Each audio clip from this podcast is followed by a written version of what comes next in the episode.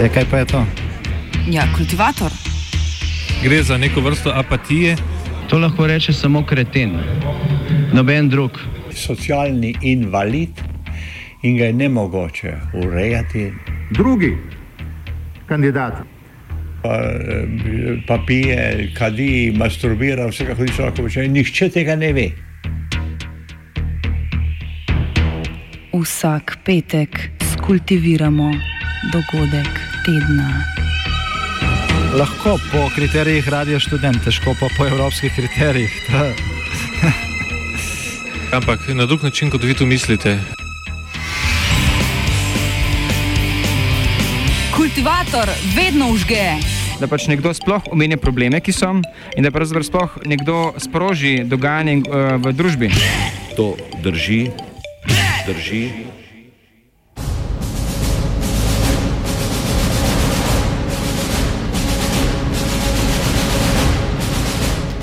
Ni šans.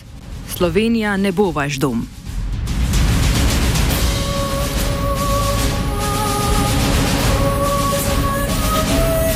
Vlada je z manjšimi popravki sprejela predlog zakona o tujcih, o katerem smo na Radiu Student poročali že novembra. Predlog, spisan na Ministrstvu za notranje zadeve, vladi omogoča, da v primeru tako imenovanih spremenjenih razmer na področju migracij državnemu zboru predlaga uveljavitev ukrepov iz člena 10b. Ti ukrepi predvidevajo popolno zaporo državne meje za vse migrante brez dokumentov, tudi če želi migrant zaprositi za mednarodno zaščito v skladu z Ženevsko konvencijo. Predlog zakona predvideva nekatere izjeme, v katerih bi bil migrantom vstop v državo dovoljen. Te vključujejo primere ogroženega življenja zaradi zdravstvenih težav, mladoletnih migrantov brez spremstva in nevarnosti, da bo migrant podvržen mučenju ali nečloveškemu ravnanju v državi, v katero bo vrnjen. O vseh teh okoliščinah pa bodo presojali policisti na meji, ki za to vrstne naloge niso usposobljeni. Zakon predvideva tudi ustanovitev posebnega urada za tujce v okviru vlade, ki bi prevzel dolžnosti, ki so trenutno razdeljene med različne resorje in zagotavljal osnovno oskrbo tujcev.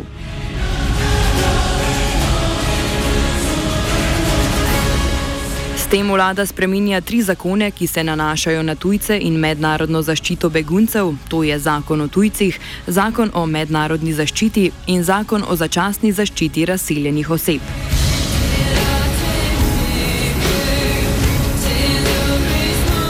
Predlog zakona je prvič v javnost pricurljal novembra lani. Od takrat je doživel nekaj manjših sprememb, bistvo problematičnosti zakona pa obstaja oziroma ostaja. To je predvsem uvedba možnosti, da bi se ob uveljavitvi spremenjenih razmer popolnoma ukinilo pravico do zaprositve za azil, ki jo predvidevajo mednarodne pogodbe, katerim je Slovenija zavezana. Ustava sicer predvideva oziroma predvideva možnost začasne omejitve pravic, a le v primeru razglasitve vojnega ali izrednega stanja. Za razglasitev takšnega stanja pa je potrebna grožnja obstoju države. Sledeč predlaganemu zakonu pa bi bila razveljavitev pravic mogoča ob razglasitvi neizrednega stanja, temveč tako imenovanih spremenjenih razmer. Zato kritiki zakona temu očitajo neustavnost, med drugim tudi Neža Kogovšek Šalamon, direktorica Mirovnega inštituta.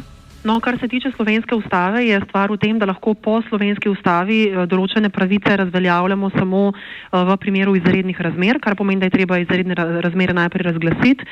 Eh, in šele potem je pač dovoljeno eh, odstopanje od določenih pravic, pa še to samo od nekaterih, po drugi strani pa so nekatere druge tudi absolutne in jih ni mogoče razveljavljati. In ker pač ta zakon ne predvideva eh, razglasitve izrednih razmer, ampak samo neke vrste izjemno stanje, kar je pač nekaj drugega, ker se to drugače imenuje, ne, um, pomeni, da pač ne more na tak način razveljavljati določenih pravic. In tukaj seveda govorimo o pravici pred, torej do varstva pred mučenjem, nečloveškim ravnanjem, pravici do življenja in tako naprej.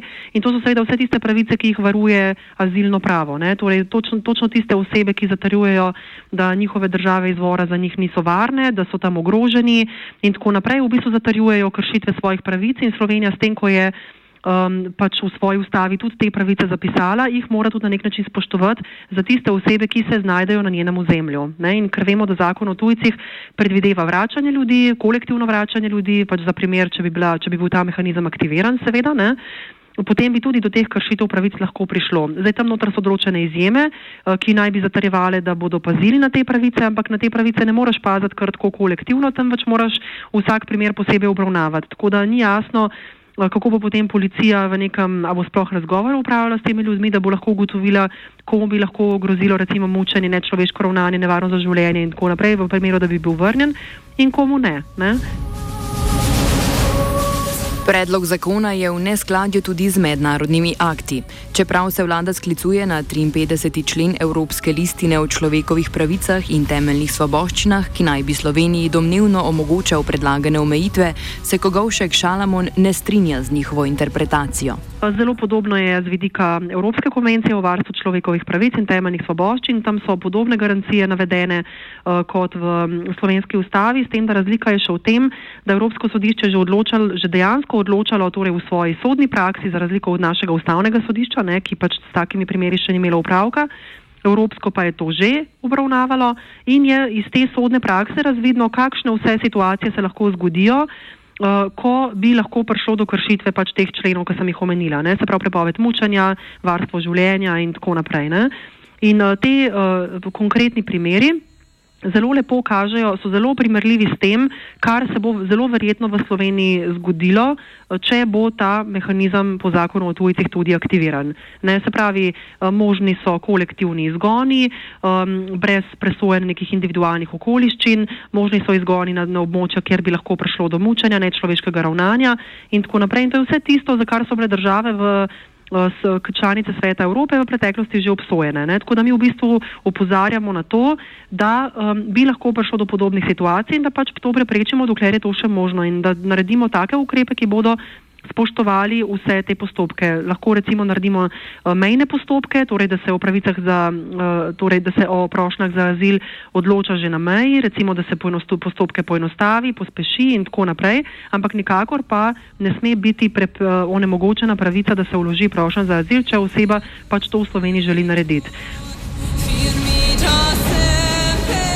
Tudi najstarejši mednarodni akt, ki zagotavlja pravice beguncem in prosilcem za azil, Ženevska konvencija, ne dovoljuje predlaganih posegov v azilni postopek in razlikovanja med polnoletnimi in mladoletnimi prosilci.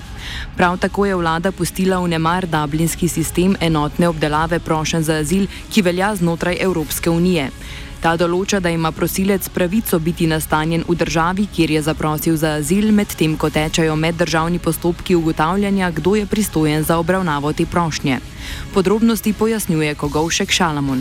Ženevsko konvencijo pa seveda lahko krši ta zakon zato, ker smo se mi, torej Slovenija, s tem, ko smo jo podpisali, zavezali, da bomo ščitili pravice beguncev na svojem ozemlju in jim podelili ustrezno zaščito. Ne, in to, samo, to pač lahko pomeni samo to, da uh, oblasti sprejmejo prošlo za azil osebe, ki tako prošlo poda in da o razlogih, ki jih ta oseba zatarjuje, tudi odločijo. To pa lahko storijo samo, če sprejmejo prošlo.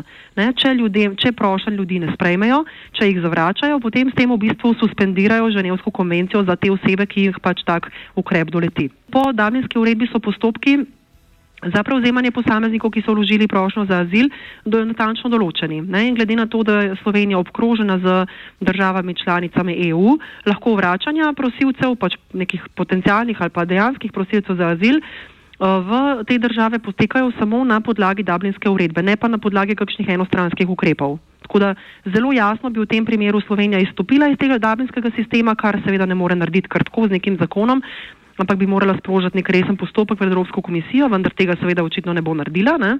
Um, tako da zelo jasno gre za, za spet za izogibanje tem postopkom, ki so uveljavljeni, ki so dogovorjeni na ravni EU in s tem tudi za kršitev evropskega prava.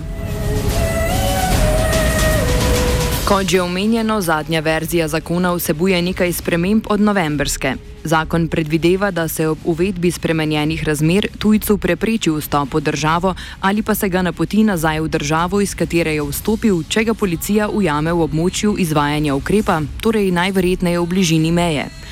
Nova verzija zakona dodaja, da mora biti država, iz katere tujec vstopa, varna država. A po mnenju Katarine Bervar Sternat, zakon zato ni nič manj problematičen to ne prinaša spremembe, namreč še vedno ni postopka, v skladu s katerim bi se ugotovilo, katera je ta država, katera je ta varna država.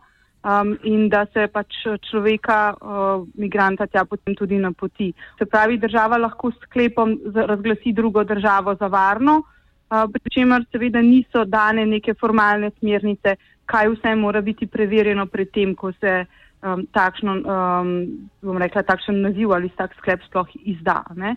Odsotnost postopka je tista, ki je pri tem, uh, teh spremembah zakona o tujcih najbolj uh, problematična. Um, v vsakem primeru pa je potrebno prošnjo vsakega posameznika za azil individualno oceniti in preveriti, preden se izda kakršnakoli odločitev, če tudi je to odločitev o vrnitvi v varno tretjo ali varno um, državo pred tranzitom. Strinja se tudi Kogovšek Šalamon, ki izpostavlja možnost domino efekta po balkanski poti, kjer bi vsaka država migrante vrnila nazaj v državo vstopa, ki jo sama razglaša za varno. No, temu se reče verižno vračanje. Takih, um, takih praks je kar nekaj, tudi v tem trenutku se, se dogajajo po celotni balkanski poti in praktično po celotni jugovzhodni Evropi, ko se države ljudi podajo in jih tudi na nek nezakonit, nedokumentiran način vračajo čez mejo. To pomeni v bistvu, da jih v času, ko na drugi strani meje ni nobenega policista sosedne države, da jih pošljajo tja nazaj. To se dogaja vsak dan in seveda že sama praksa ta, v takih državah potrjuje, da te države niso varne, ker v resnici ti ljudje, ki so na tak način vrnjeni oziroma zavrnjeni in po, poslani nazaj, v nobeni od teh držav v resnici ne morejo dostopati do mednarodne zaščite, torej do azila. Ne, in, in take države, ki se takih praks poslužujejo, potem de facto za te ljudi niso varne. Ker v, v, dostop do azilnega postopka in prav to, da ne bodo vračali nikamor naprej, je tista garancija, ki mora biti podana, da je država lahko šteta kot varna. In če države se poslužujejo nezakonitih vračanj, potem seveda ni, niso to več varne države. In vse države na balkanski poti zdaj to delajo, vključno s Hrvaško.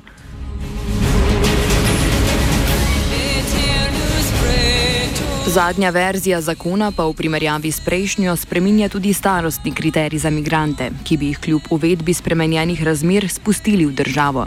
Prejšnja verzija zakona je predvidevala, da se sprejme le migrante brez spremstva mlajše od 14 let. To je naletelo na očitke o diskriminaciji mladoletnikov na podlagi starosti.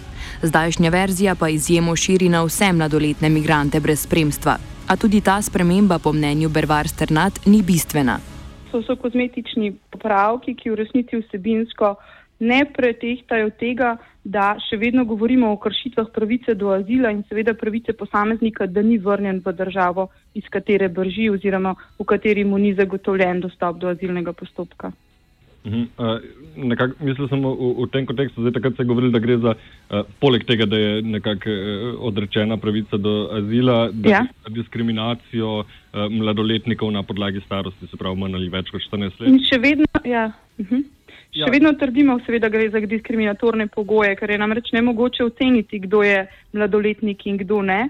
Predvsem pa um, nobena konvencija in nobena obveznost Slovenije ne izključuje tega. Uh, ne izključuje obveznosti, da oceni in v postopku ugotovi pogoje oziroma razloge za preganjanje vsake osebe, ki poda namero oziroma prošno za mednarodno zaščito. In v tem delu zakon še vedno ostaja diskriminatoren.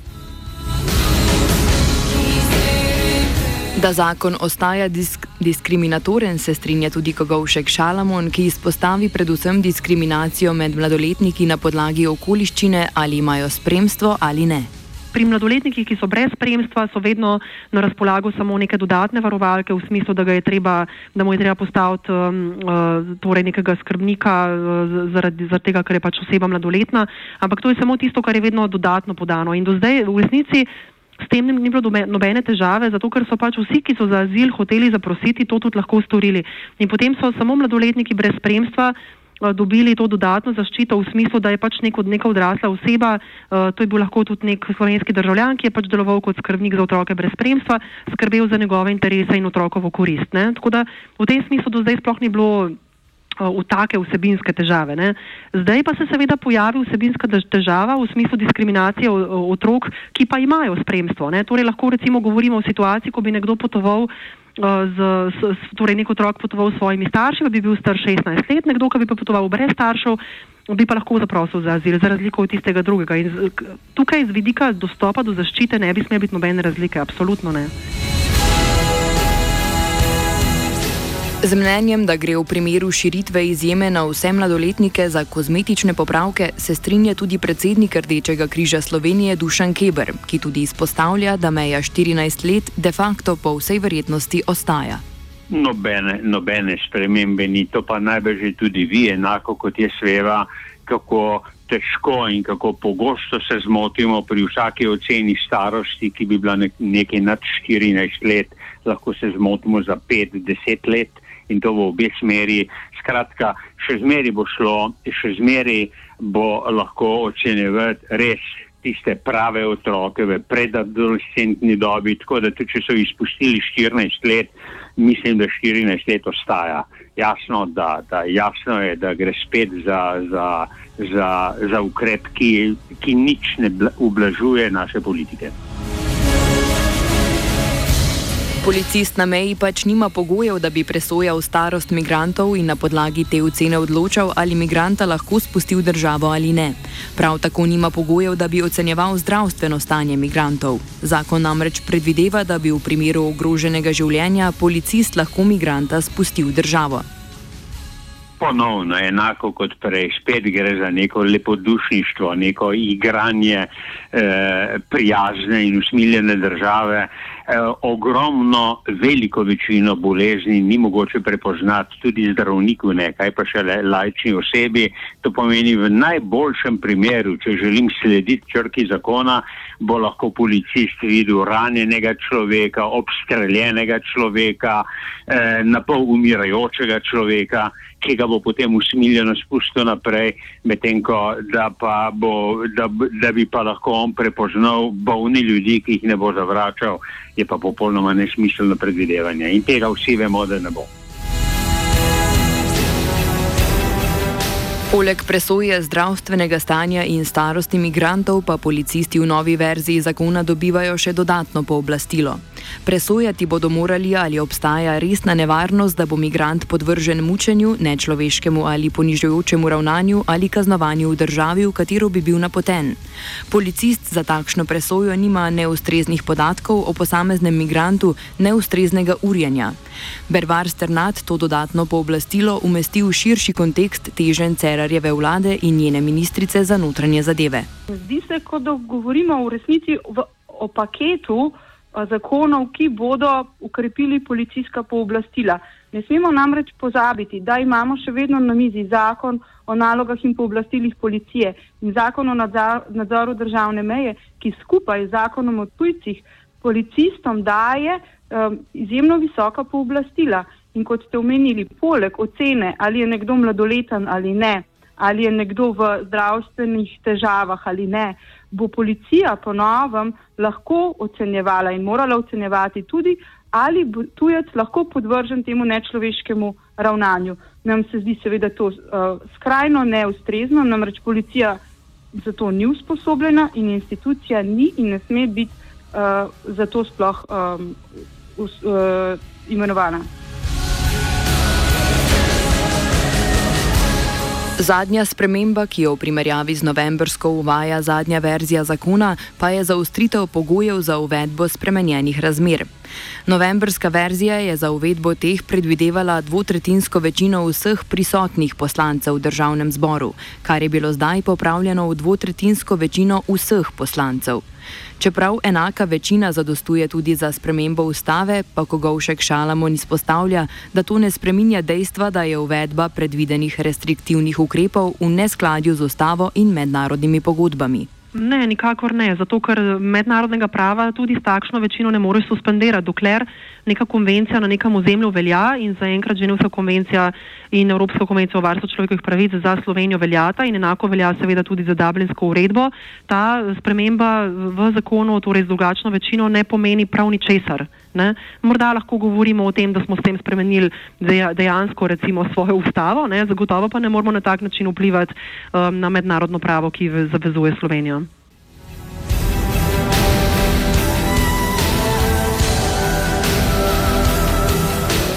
Po mnenju naših sogovorcev je predlog zakona torej tudi v popravljeni obliki neustaven, v neskladju z Evropsko listino o človekovih pravicah in svoboščinah, se ne zmeni za določila Ženevske konvencije, prav tako ne za Evropski notranji dublinski sistem.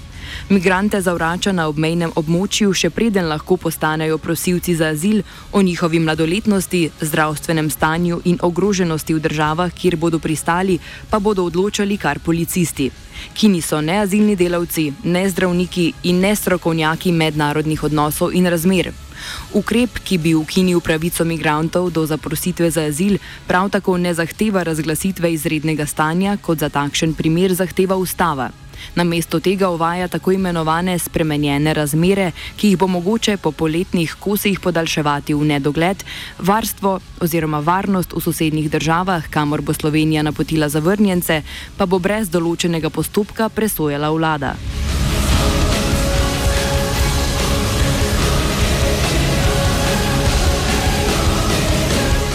Kdaj bo predlog Roma v državni zbor, še ni jasno. Koalicijske stranke so poenotene v podpori zakonu, podpreti pa ga zna tudi del opozicije. V primeru sprejetja zakona nasprotnikom preostane samo še vloga presoje ustavnosti zakona na ustavnem sodišču.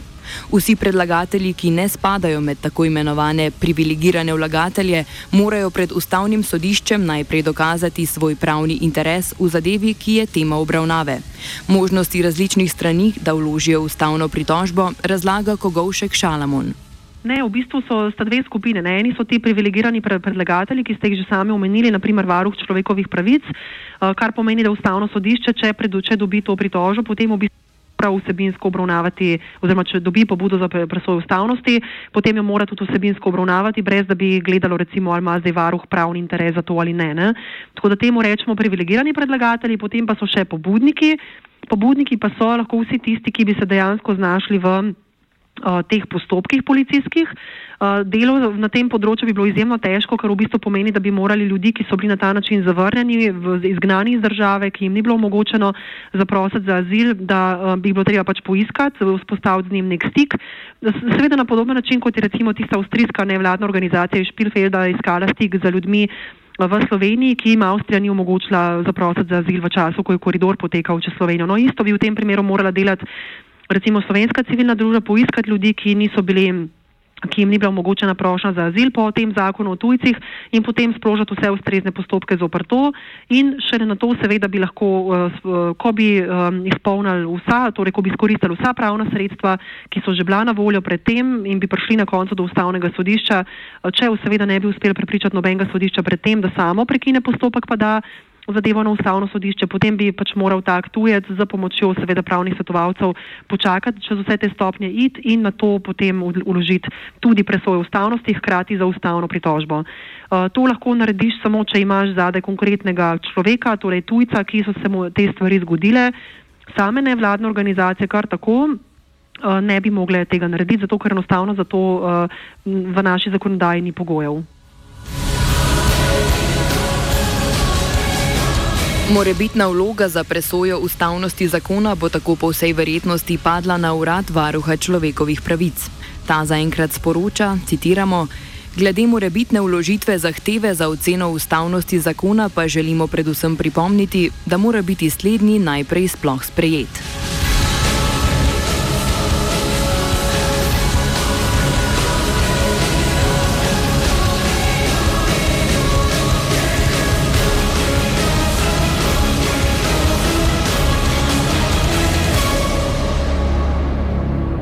Kultivirala sta vajenka Neja in Cviter.